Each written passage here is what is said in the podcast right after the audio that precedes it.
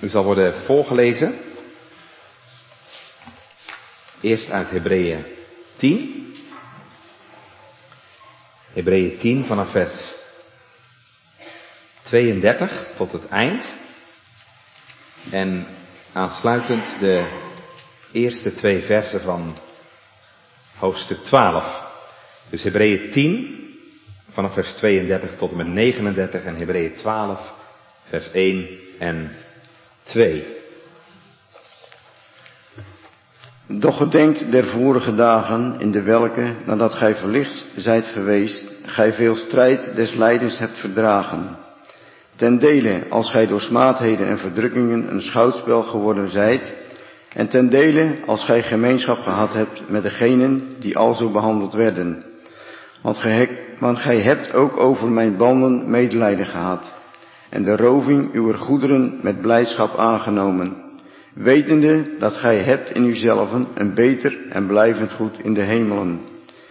Werpt dan uw vrijmoedigheid niet weg, welke een grote vergelding des loons heeft. Want gij hebt leidzaamheid van noden, opdat gij, de wil van God gedaan hebbende, de beloftenis moogt wegdragen. Want nog een zeer weinig tijds en hij, die te komen staat, zal komen en niet vertoeven. Maar de rechtvaardige zal uit het geloof leven. En zo iemand zich onttrekt, mijn ziel heeft in hem geen behagen. Maar wij zijn niet van degenen die zich onttrekken ten, ten verderven, maar van degenen die geloven tot behouding der ziel. Hebreeën 12, vers 1 en 2. Daarom dan ook, alzo wij zo groot een woord der getuigen rondom ons hebben liggende, laat ons afleggen alle last en de zonde die ons lichtelijk omringt. En laat ons met leidzaamheid lopende loopbaan die ons voorgesteld is. Ziende op de overste leidsman en voleinder des geloofs, Jezus, de welke voor de vreugde die hem voorgesteld was, het kruis heeft verdragen en schande veracht en is gezeten aan de rechterhand des troons van God.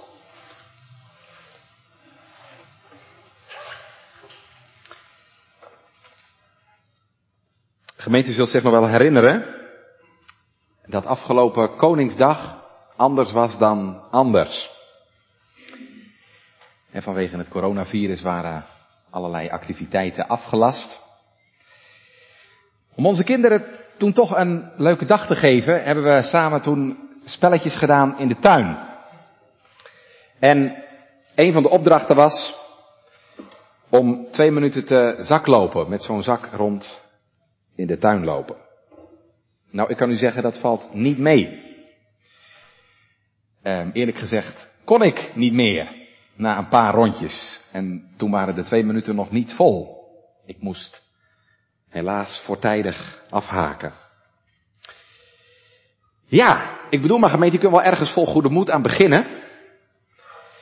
Maar om te winnen moet je het ook afmaken. Om te winnen moet je het ook afmaken. Zo gaat dat bij spelletjes. Zo werkt dat in de sport en gemeente. Zo werkt het ook in het geestelijke leven. Om te winnen moet je het afmaken. Alleen wie volharden zal tot het einde, die zal zalig worden. En daar gaat het vanmiddag over. Ik wil met u stilstaan over de noodzaak en het belang van volharding. U vindt de tekst voor de verkondiging in Hebreeën 10 en 12. Hebreeën 10, vers 36, de eerste woorden. Want gij hebt leidzaamheid van noden. Of zoals de herziene statenvertaling hier vertaalt, u hebt volharding nodig. En eveneens de woorden uit hoofdstuk 12, de aansporing aan het eind van vers 1. En laat ons met leidzaamheid, met volharding lopen de loopbaan die ons voorgesteld is. Gemeente, het gaat dus vanmiddag over volharding. Het thema voor de preek is volharding gevraagd. En ja, omdat het een thema is wat eigenlijk door heel de Hebreeënbrief heen loopt, niet alleen maar in 10 en 12.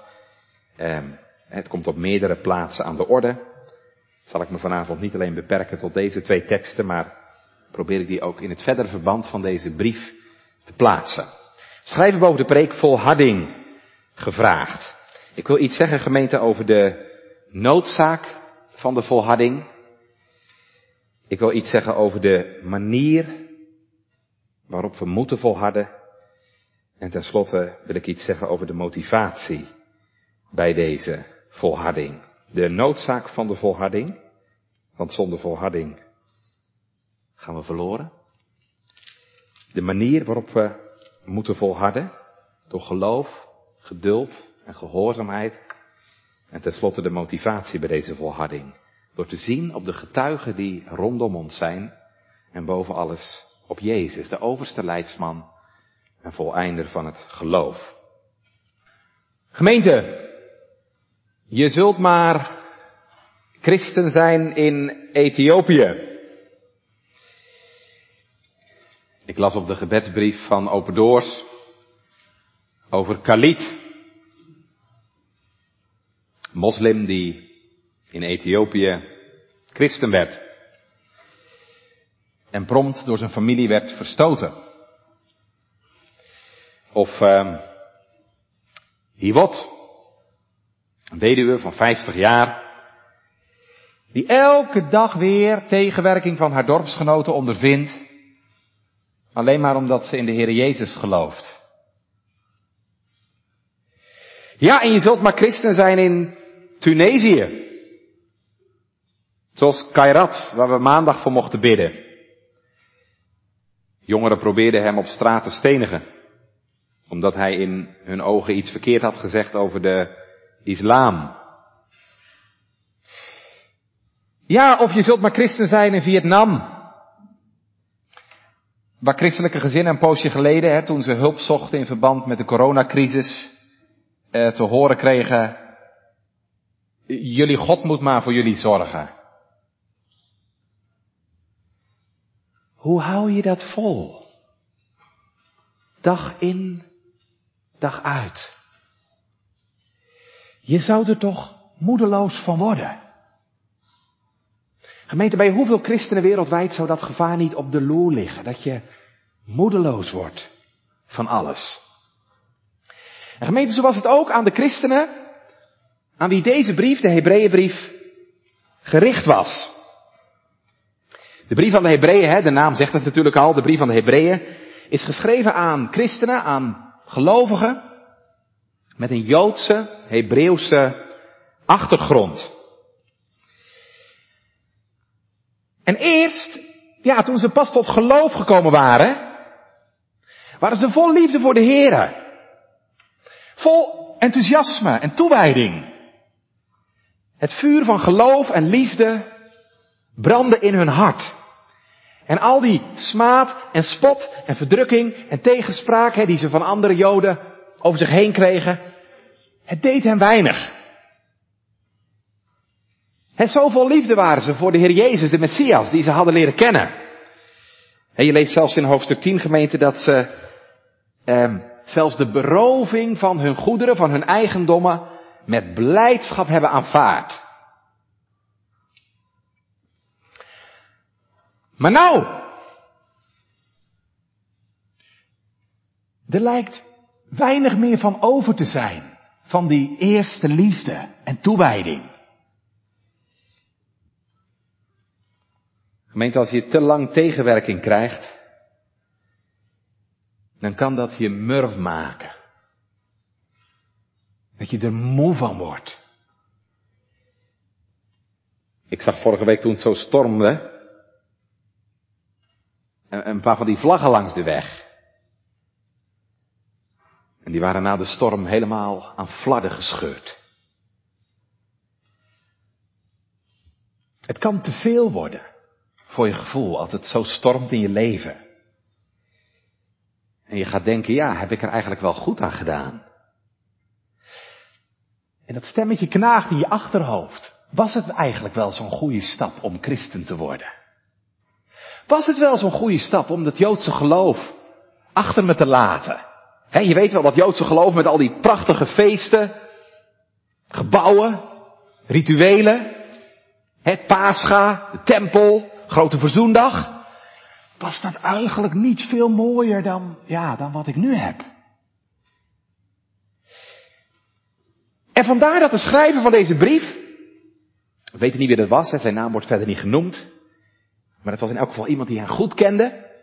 Vandaar dat de schrijver van de brief zich zorgen maakt.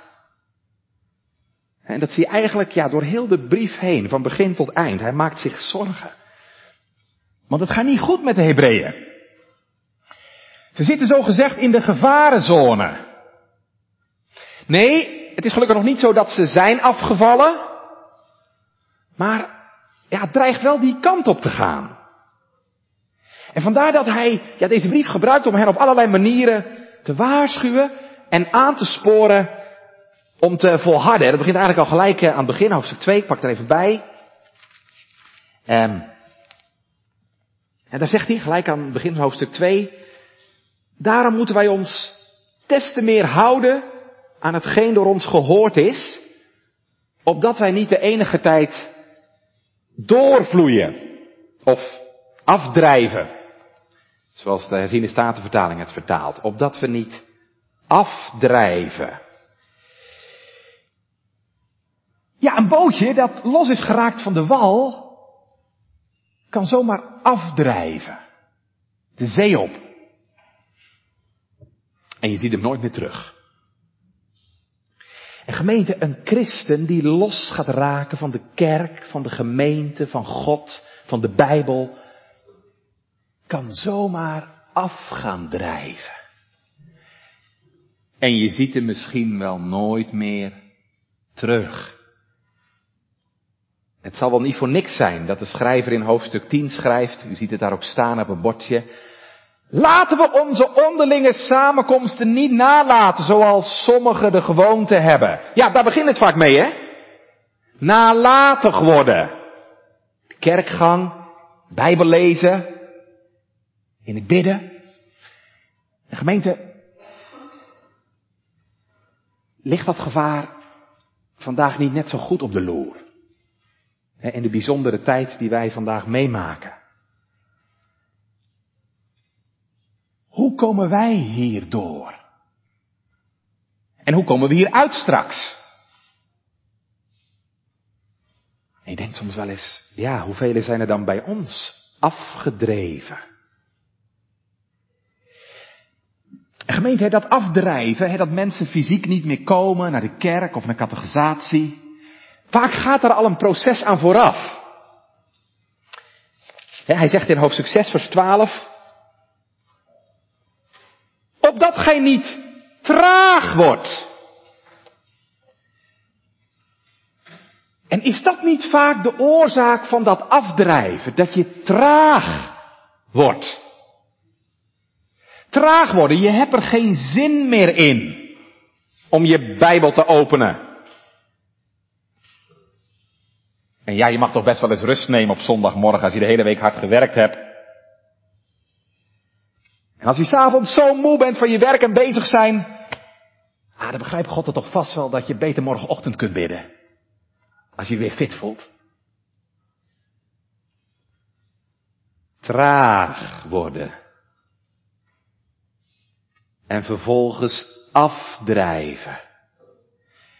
En als God het niet verhoedt, afvallen. Dat is de volgende stap. Traag worden, afdrijven, afvallen. Afvallen van het geloof. En daar is de schrijver van de Hebreeën zo bang voor. En daarom zegt hij in onze teksten, jullie hebben leidzaamheid, volharding nodig. En lees even mee in onze tekst vers 36. Want gij hebt leidzaamheid, volharding nodig. Waarom? Omdat je anders verloren gaat. Want nog een zeer weinig tijd en hij die te komen staat, Jezus Christus, zal komen en niet vertoeven. Gemeente nog eventjes en Jezus komt. En vers 38, zo iemand zich onttrekt, mijn ziel heeft in hem geen behagen. Als iemand zich onttrekt aan God, aan de gemeente, aan de kerkdienst, aan de catechisatie, God zegt, mijn ziel heeft in hem geen behagen. En als dat zo blijft, ga je verloren. Kijk maar, vers 39. Dan onttrek je je ten verderve. Of zoals de HSV zegt, dan ga je naar het verderf. Wie God niet meer de eerste plek wil geven, die Gods woord naast zich neerlegt, omdat hij liever zijn eigen gang gaat, de Heere zegt, mijn ziel heeft in hem geen behagen. Dan ga je naar het verderf. Daar moet je toch niet aan denken, gemeente. Moest kijken wat er staat, vers 31, hè. Vreselijk is het om te vallen in de handen van de levende God. Gemeente, daar kun je toch alleen maar, daar kun je toch alleen maar met pijn aan denken. die, die, die mensen vroeger bij u in de bank. Die nu zondags thuis op de bank zitten. Zondag met Lubach of zo.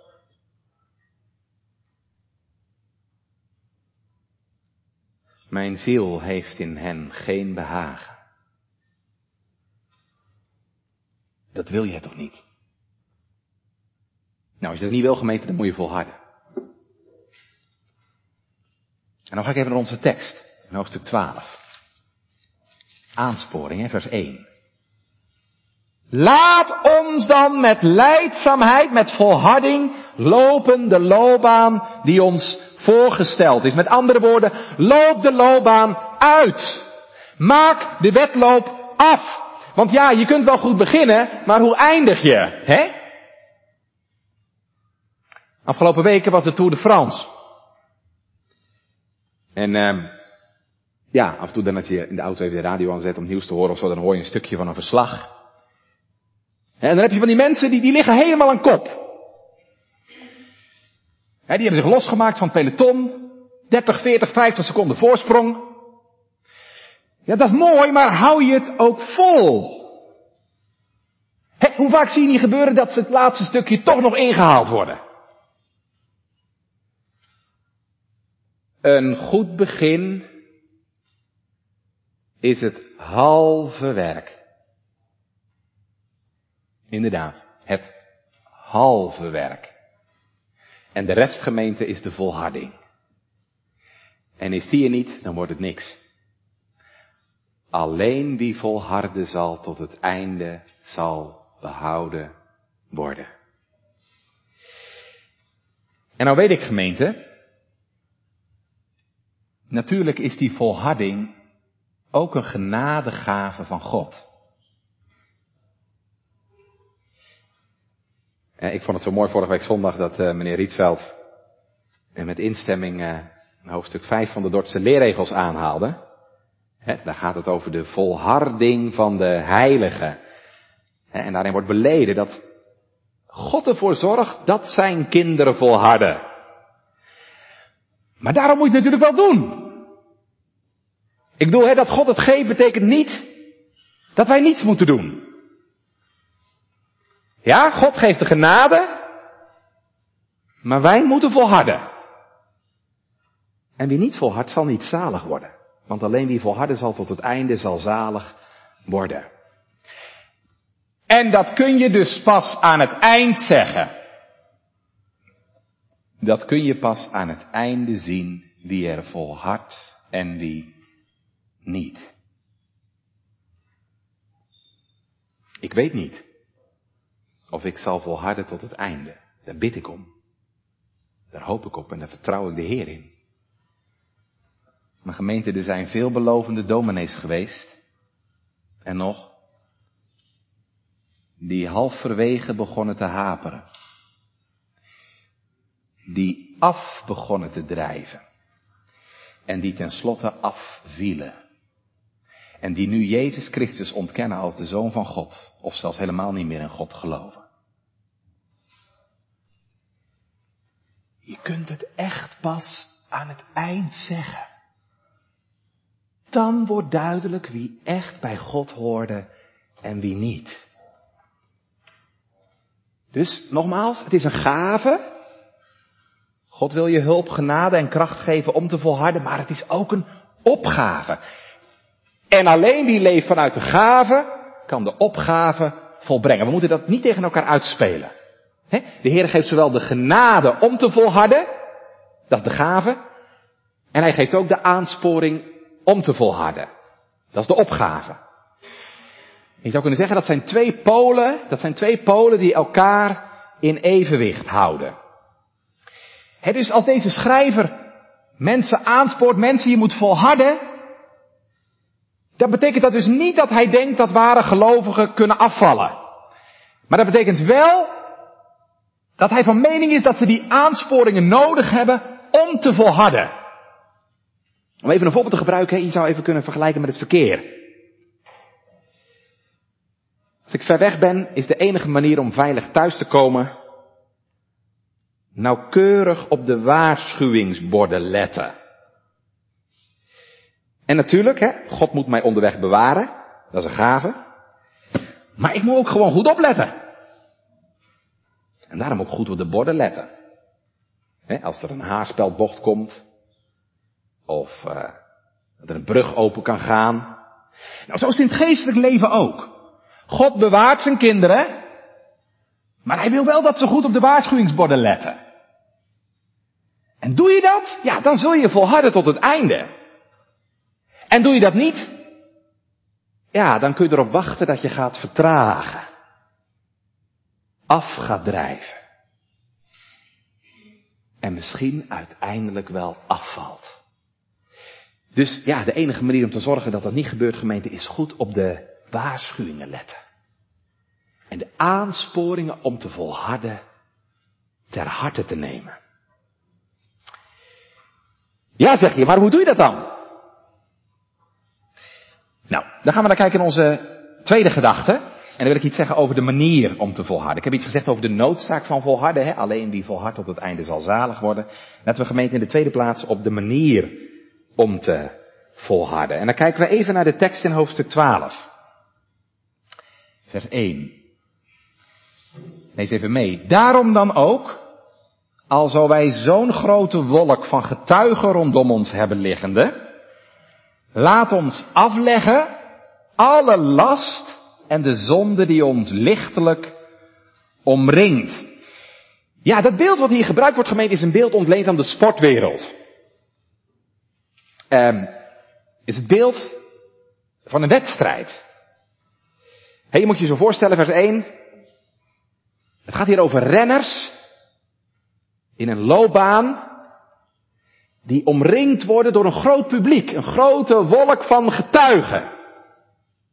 Mensen die hen aanmoedigen. Net zoals vaders en moeders dat hier bij de korfbal doen. Ja, en je snapt, om zo optimaal mogelijk te kunnen rennen, moet je alles afleggen wat je zou kunnen hinderen bij dat rennen. En je moet weten, mensen in die tijd, in de oudheid, droegen vaak een tuniek, zoals ik een toga aan heb, een lange mantel. Nou, u snapt natuurlijk wel, met deze toga kan ik niet snel lopen. En, en wedstrijd, dat is natuurlijk geen doen in zo'n ding. en zo'n zware riem om je middel, dat helpt je natuurlijk ook niet. Nee, om ja, een wedstrijd te kunnen lopen moet je zo licht en makkelijk mogelijk gekleed zijn. Dan gaat het het beste. Nou, zo zegt de schrijver van de Hebreeënbrief, zo is het ook in de loopbaan van het geloof. Dan zijn er een aantal dingen die je af moet leggen. En we zullen het zo meteen zien, daar zal ik zo wel wat over zeggen. Er zijn ook dingen die je op moet nemen. Maar het eerste wat we moeten doen is dingen afleggen. Wat dan? Nou kijk maar, het staat in de tekst hè. Alle last en de zonde.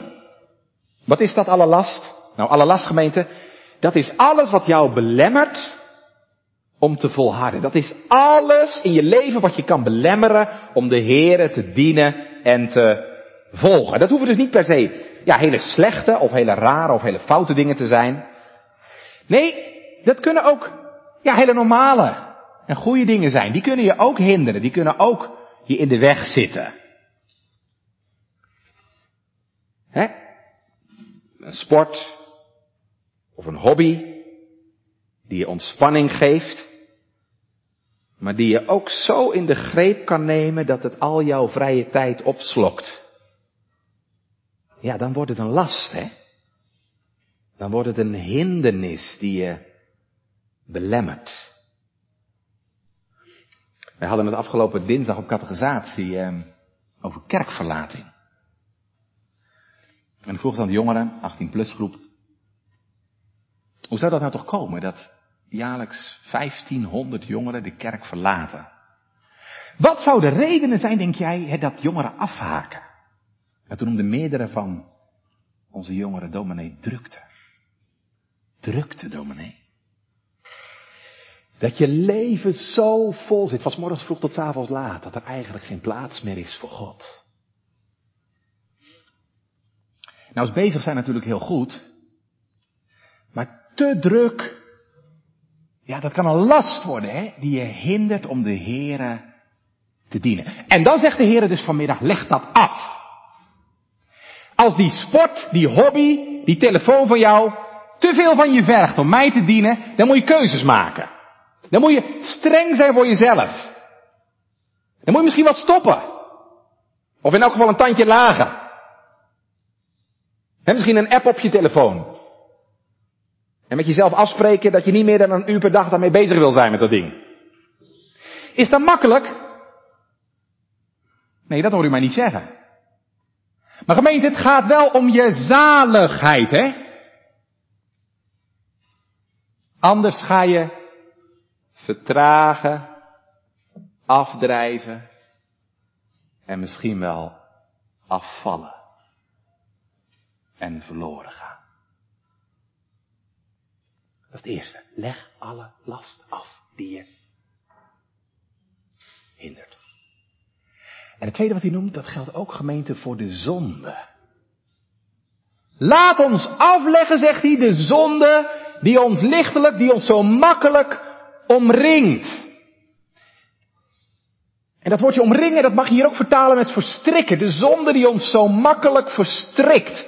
En stel je voor, je bent er in die, in die, in die loopbaan aan het rennen, hè? En iemand gooit van bovenaf de tribune ineens een net over jou heen. Ja, daar raak je in verstrikt.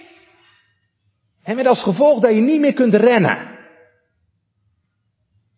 Nou, dat doet de zonde ook, gemeente. De zonde ligt altijd op de loer om ons te verstrikken. Maar gemeente, een christen, een kind van God, zondigt nooit goedkoop, zeggen we wel eens, hè? Een christen zondigt nooit goedkoop. Als ik toegeef aan de zonde, dan zorgt dat voor afstand tussen God en mij. Dan komt er duisternis in mijn ziel. Dan voel ik verdriet, gebrokenheid en pijn. En in plaats van dat ik met vreugde de Heere dien en de Heere toegewijd ben, ja, moet ik weer bezig met mezelf. Moet ik weer opnieuw die weg van berouw en bekering afleggen. En daarom gemeente, probeer dat nou te voorkomen. Leg de zonde af. Hou het bij je vandaan. Blijf er uit de buurt. Weet je wat je daar het meest bij helpt? Weet je wat het beste middel is, gemeente? Om tegen de zonde te strijden, is veel aan de Heer Jezus denken. Als de verleiding van de zonde dichtbij komt, denk dan aan Hem. Denk aan zijn angst in Gethsemane. Denk aan zijn pijn aan het kruis. Denk aan zijn liefde dat hij daar voor u wilde sterven. En zeg dan tegen jezelf, mijn ziel, waarom zou je zo'n groot kwaad doen door tegen zijn liefde te zondigen? Hij die voor jou de toorn van God wilde dragen. Waarom zou je nieuwe smart aan Jezus smart toevoegen? Laat de liefde van Jezus je toch ver van de zonde houden. Dat is het eerste. Om goed te lopen moet je dingen afleggen. Maar gemeente, dat is het tweede. Om goed te lopen moet je ook dingen opnemen. Ja, er zijn bij een wedstrijd soms ook dingen nodig die je mee moet nemen. Hè? Drinkflesje, Misschien een reepje, een rolletje dextrose. Dingen die je nodig hebt om het vol te kunnen houden. Nou, zo is het ook in de loopbaan van het geloof. Dan zijn er ook dingen die je op moet nemen, die je mee moet nemen. En ik noemde vanmiddag drie. Drie dingen die je mee moet nemen, die je nodig hebt in de loopbaan van het geloof. Dat is geloof, geduld en gehoorzaamheid. Nou, die eerste twee, hè, geloof en geduld, die vond ik in hoofdstuk 6. Want daar schrijft hij in, hoofdstuk, in vers 12. Ehm, opdat u niet traag wordt, dat hadden we al gezien, hè? Maar navolgers bent van hen die door geloof en langmoedigheid, geduld, zegt de HSV, de beloftenissen beërven. Je moet navolgers zijn van hen die door geloof en geduld de belofte beërven. Dus ja, om de belofte te verkrijgen, om de eindstreep te halen, heb je geloof en geduld nodig. Dat zie je trouwens ook in hoofdstuk 10, hè? Daar zegt hij dat ook. Um, in vers 38, hè? De rechtvaardige zal uit het geloof leven. En als iemand zich onttrekt, mijn ziel heeft in hem geen behagen. Dus ja, tegenover dat onttrekken, hè, dat, dat weglopen uit de loopbaan, daartegenover staat dus het geloof. De rechtvaardige zal door het geloof leven. En waarom is dat zo belangrijk, het geloof? In die loopbaan van het geloof? Waarom is dat geloof zo belangrijk? Wel gemeente, omdat het eigen is aan het geloof, hè? Om je niet te laten leiden door wat je ziet. Geloof richt zich op de dingen die men niet ziet. En dat is heel belangrijk in de loopbaan van het geloof. Dat je niet te veel laat leiden door de dingen die je ziet. Maar dat je laat leiden door de dingen die je niet ziet. Dan ga ik iets vertellen om dat duidelijk te maken. Het was namelijk in de oudheid heel gebruikelijk bij zo'n wedstrijd. Eh, dat supporters tijdens zo'n wedstrijd vanaf de tribune muntjes gooiden. Op de rembaan. Dan moet je voorstellen, die, die renners, dat waren vaak slaven. Die hadden natuurlijk niet veel. Wat was het dan verleidelijk om eventjes te stoppen en zo'n zilveren muntje of zo op te rapen? Maar ja, dat, dat is natuurlijk desastreus, want dan raak je achterop. Zo'n renner moet zich niet laten leiden door wat hij ziet. Nee, hij moet denken aan de eindstreep, aan de overwinning. En gemeente, is het in het leven van een christen ook niet zo? De wereldgemeente strooit allerlei muntjes om ons heen. He? Leuke dingen, verleidelijke dingen, die je aandacht vragen. Ja, en hoe, gemak, en hoe gemakkelijk gemeente ben je niet geneigd om je daardoor te laten afleiden. He? Die, die leuke reportage, die leuke documentaire, in plaats van je Bijbel lezen. of die, die promotie die je misschien op je werk kan maken, maar die dan wel betekent dat je 70 uur per week beschikbaar moet zijn. Dat zijn dan van die gouden muntjes die op je pad gestrooid worden. Maar daar moet je je niet door laten afleiden.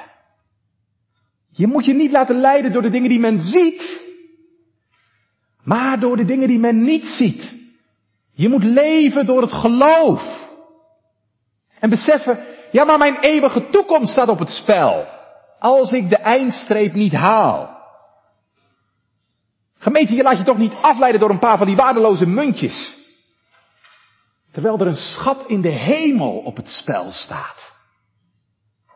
Dus in plaats van je te laten leiden door dingen die je ziet, moet je leven door het geloof. Dat is het eerste wat je nodig hebt, geloof. Het tweede wat je mee moet nemen tijdens de wedloop, gemeente, is geduld. Geduld. Nee, als je de 500 meter moet lopen, heb je dat niet nodig, geduld. Maar als je de 10 kilometer moet lopen, of de 15 kilometer, ja, dan heb je geduld nodig. Want dan is het een lange weg naar de finish. Kinderen van God. Het is een lange weg naar de finish. Als je jong bent, en je bent pas tot geloof gekomen, dat is heel mooi. Dat hoop ik van harte dat het zo is bij jou. als je pas tot geloof bent gekomen, heb je dan nog niet zo door. Maar gemeente, het is een wedloop van jaren. En ik heb in die 21 jaar dat ik die wedloop nu mag lopen, en helaas ook al heel wat zien afvallen. Het is een wedloop van jaren, waarin de Heere je oefent en vormt. Want je gaat niet gelijk naar de hemel. Nee, er moet veel strijd gestreden zijn. Veel kruis en leed geleden zijn. Een nauwe weg betreden zijn. En veel gebed gebeden zijn. Zolang wij hier beneden zijn, zal het hierna in vrede zijn. Elke dag Opnieuw moet je weer je knieën buigen. Elke dag opnieuw moet je weer het woord openen. Elke dag opnieuw moet ik weer de strijd aangaan met mezelf en de zonde. Elke dag opnieuw moet je weer tot Jezus vluchten. Elke dag weer mijn weg op de Here wentelen. Elke dag weer smeken, och schonk gij mij de hulp van uw geest. is veel geduld nodig.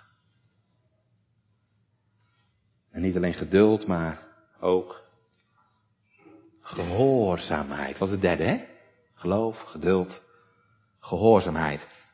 Blader ik even terug, gemeente, naar hoofdstuk 10, vers 36. Want u hebt leidzaamheid, volharding van nodig, opdat gij, en nou komt het, de wil van God gedaan hebbend, de belofte moogt wegdragen. Dus wil je de wedstrijd winnen, wil je de eindstreep halen, wil je de vervulling van de belofte zien, dan moet je de wil van God gedaan hebben. Wat is dat? De wil van God doen, dat is gehoorzaamheid, gemeente. Ik bedoel, kijk, om een geldige wedstrijd te lopen, moet je natuurlijk wel binnen de lijnen blijven, hè? Als zo'n renner buiten de lijnen gaat lopen, wordt hij gedisqualificeerd. Zo is het ook met een gelovige. Om een geldige wedstrijd te lopen, moet je wel binnen de lijnen blijven. De lijnen van Gods geboden. want de Heere vraagt van zijn kinderen gehoorzaamheid aan zijn wil en geboden. En natuurlijk, ik weet heus wel, we worden natuurlijk niet gered door onze gehoorzaamheid en onze goede werken. Maar in die gehoorzaamheid aan Gods wil wordt wel de echtheid van je geloof zichtbaar. Wie zijn geboden bewaart, blijft in hem. En indien iemand mij lief heeft, die blijft in mijn geboden. Dus ja, wie oprecht gelooft gemeente, die gehoorzaamt ook. En als je de Heer lief hebt, dan doe je dat ook. Dan verlang je hè, om binnen de lijnen te blijven. De Heer te gehoorzamen. Nou, daar heb je de manier om de loopbaan te lopen. Dat betekent dingen afleggen. Alles wat je hindert. De zonde. En wat je moet opnemen. Geloof, geduld, gehoorzaamheid. En dan is er nog één ding wat je nodig hebt. En dat heet motivatie. Dat is het laatste waar ik nog wat over wil zeggen. Ja, ja, gemeente, je hebt niet alleen maar geloof, geduld en gehoorzaamheid nodig. Wat is het ook belangrijk dat je gemotiveerd wordt? Wat kan het voor een kind hè, betekenen als papa of mama langs de kant staat om je aan te moedigen? En wat kon het vroeger een verschil maken bij het voetbal? Als meisje op wie jij verliefd was toevallig langs de kant stond. En iedere deskundige weet, hè, een wedstrijd zonder publiek spelen is veel moeilijker dan een wedstrijd met publiek. En daarom wijst de schrijver van de Hebreeënbrief hier ons op, ja, ons hier op twee voorbeelden die ons kunnen motiveren. In hoofdstuk 12, vers 1. Dat zijn in de eerste plaats de mensen die ons voorgegaan zijn. En is in de tweede plaats het voorbeeld van de Heer Jezus. Hij zegt tegen deze mensen, die dreigen af te haken, af te vallen hadden we gezien. Hij zegt, bedenk dat bij de loopbaan die jullie nu lopen met al je moeite, zorg en pijn en stress, bedenk dat er al zoveel zijn voorgegaan die het gehaald hebben. Mensen net als wij. Met allerlei zwakheden en zonden die het toch gehaald hebben. He, Mozes met zijn drift. David met zijn overspel. Petrus met zijn verlogenen van de Heer Jezus. Misschien wel dichterbij. Je opa of oma. Die de Heere diende. Je godvrezende vader of moeder. Je broer of zus die nu al boven is. Falende, zwakke, zondige, struikelende mensen. Die nochtans de loopbaan liepen en op de Heere vertrouwden. Denk aan hen, zegt hij. Bij de tegenslagen die jij tegenkomt op je pad. Laat je daar niet door ontmoedigen. Ook al ben je gestruikeld.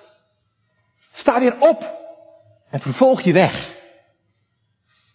En vooral, wat heerlijk om daarmee te mogen afsluiten. Ziende op de overste leidsman en voleinder van het geloof, Jezus. Zie bovenal op Hem, zegt Hij. Gemeente, wie durft dan nog over moeite en strijd te spreken als je het parcours ziet wat de Heer Jezus heeft afgelegd? Wie heeft er ooit zoveel tegenspraak, angst, pijn, eenzaamheid doorstaan als Jezus? Maar wat lezen we, vers 2? Die voor de vreugde die hem voorgesteld was, het kruis heeft gedragen, de schande veracht en is nu gezeten aan de rechterhand van de troon van God. Waarom kon hij dat? Waarom hield de Heer Jezus het vol om toch door te gaan? Ook toen hij moest zeggen, mijn ziel is geheel bedroefd tot de dood toe. En indien het mogelijk is, vader, laat deze drinkbeker aan mij voorbij gaan. Waarom hield hij het toch vol? Om de vreugde die hem voorgesteld was. Wat is die vreugde? Het is de wetenschap gemeente dat hij door zijn pijn en strijd en lijden, door zijn volharding, de zaligheid zou verdienen voor miljoenen mensen. Dat gaf de Heer Jezus zo'n vreugde, dat dat hem op de been hield. In al zijn angst en strijd. Nou, dat is het laatste wat we mee mogen nemen vanavond. Zie op Jezus. Zie bij uw pijn, uw strijd, uw lijden. Zie op zijn pijn, strijd en lijden. En bedenk dan, heren, dat deed u ook voor mij. Want die wetenschap dat de Heer Jezus dat ook voor jou deed. Dat helpt je om zelf ook te volharden. Heren, u volharden voor mij. Dan wil ik ook volharden voor u. En het tweede wat ik u mee wil geven, gemeente, denk niet alleen aan Jezus lijden, denk ook aan Jezus overwinning. we zagen het net. Het vooruitzicht van die vreugde. Het vooruitzicht van de overwinning. Dat gaf Jezus de kracht om te volharden toen het moeilijk was. Dus denk ja, bij alle moeite, strijd en pijn die je overkomt, denk, denk ook aan de overwinning die God beloofd heeft. He? Dan hoor ik Paulus zeggen, en wat heeft die man geleden? Onze zeer lichte verdrukking, die haastig voorbij gaat, werkt ons een gans uitnemend zeer eeuwig gewicht der heerlijkheid. Hij bedoelt, in het licht van die eeuwige heerlijkheid is het toch maar een lichte verdrukking.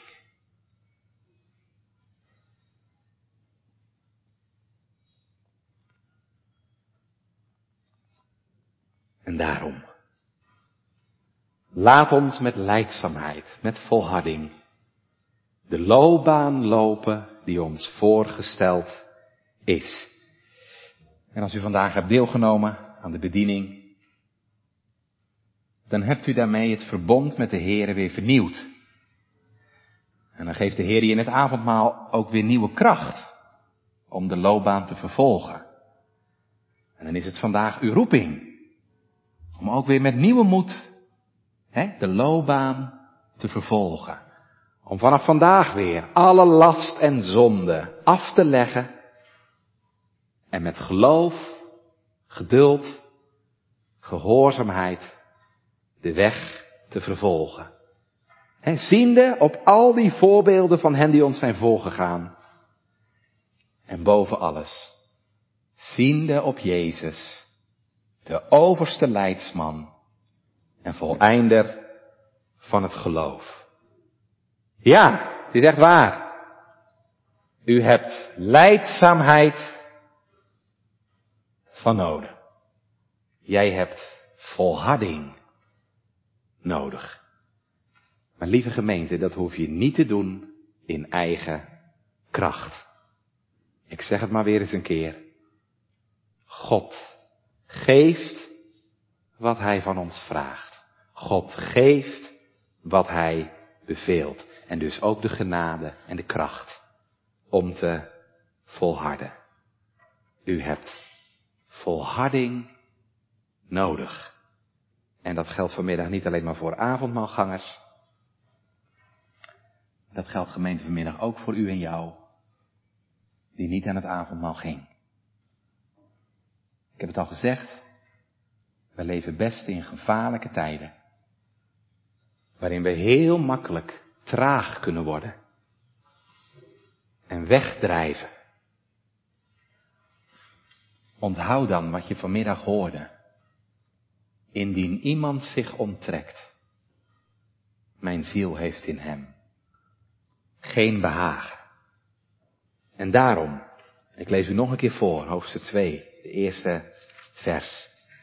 Daarom moeten wij ons des te meer houden aan hetgeen door ons gehoord is.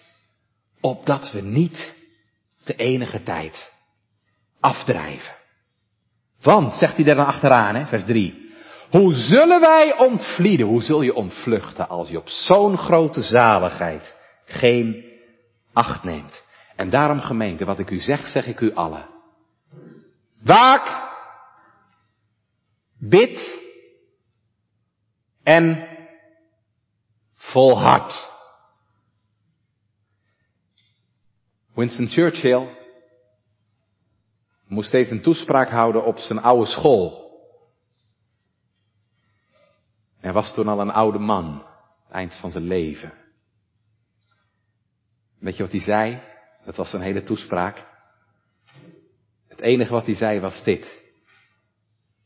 Never, never, never, never, never give up. Nee. Geef nooit op. Geef nooit op om de Heere te zoeken als jij hem nog niet kent. En als je hem wel kent, geef nooit op de loopbaan te lopen. Wat er ook gebeurt, geef nooit op. Want wie volharden zal tot het einde, die zal zalig worden. Amen.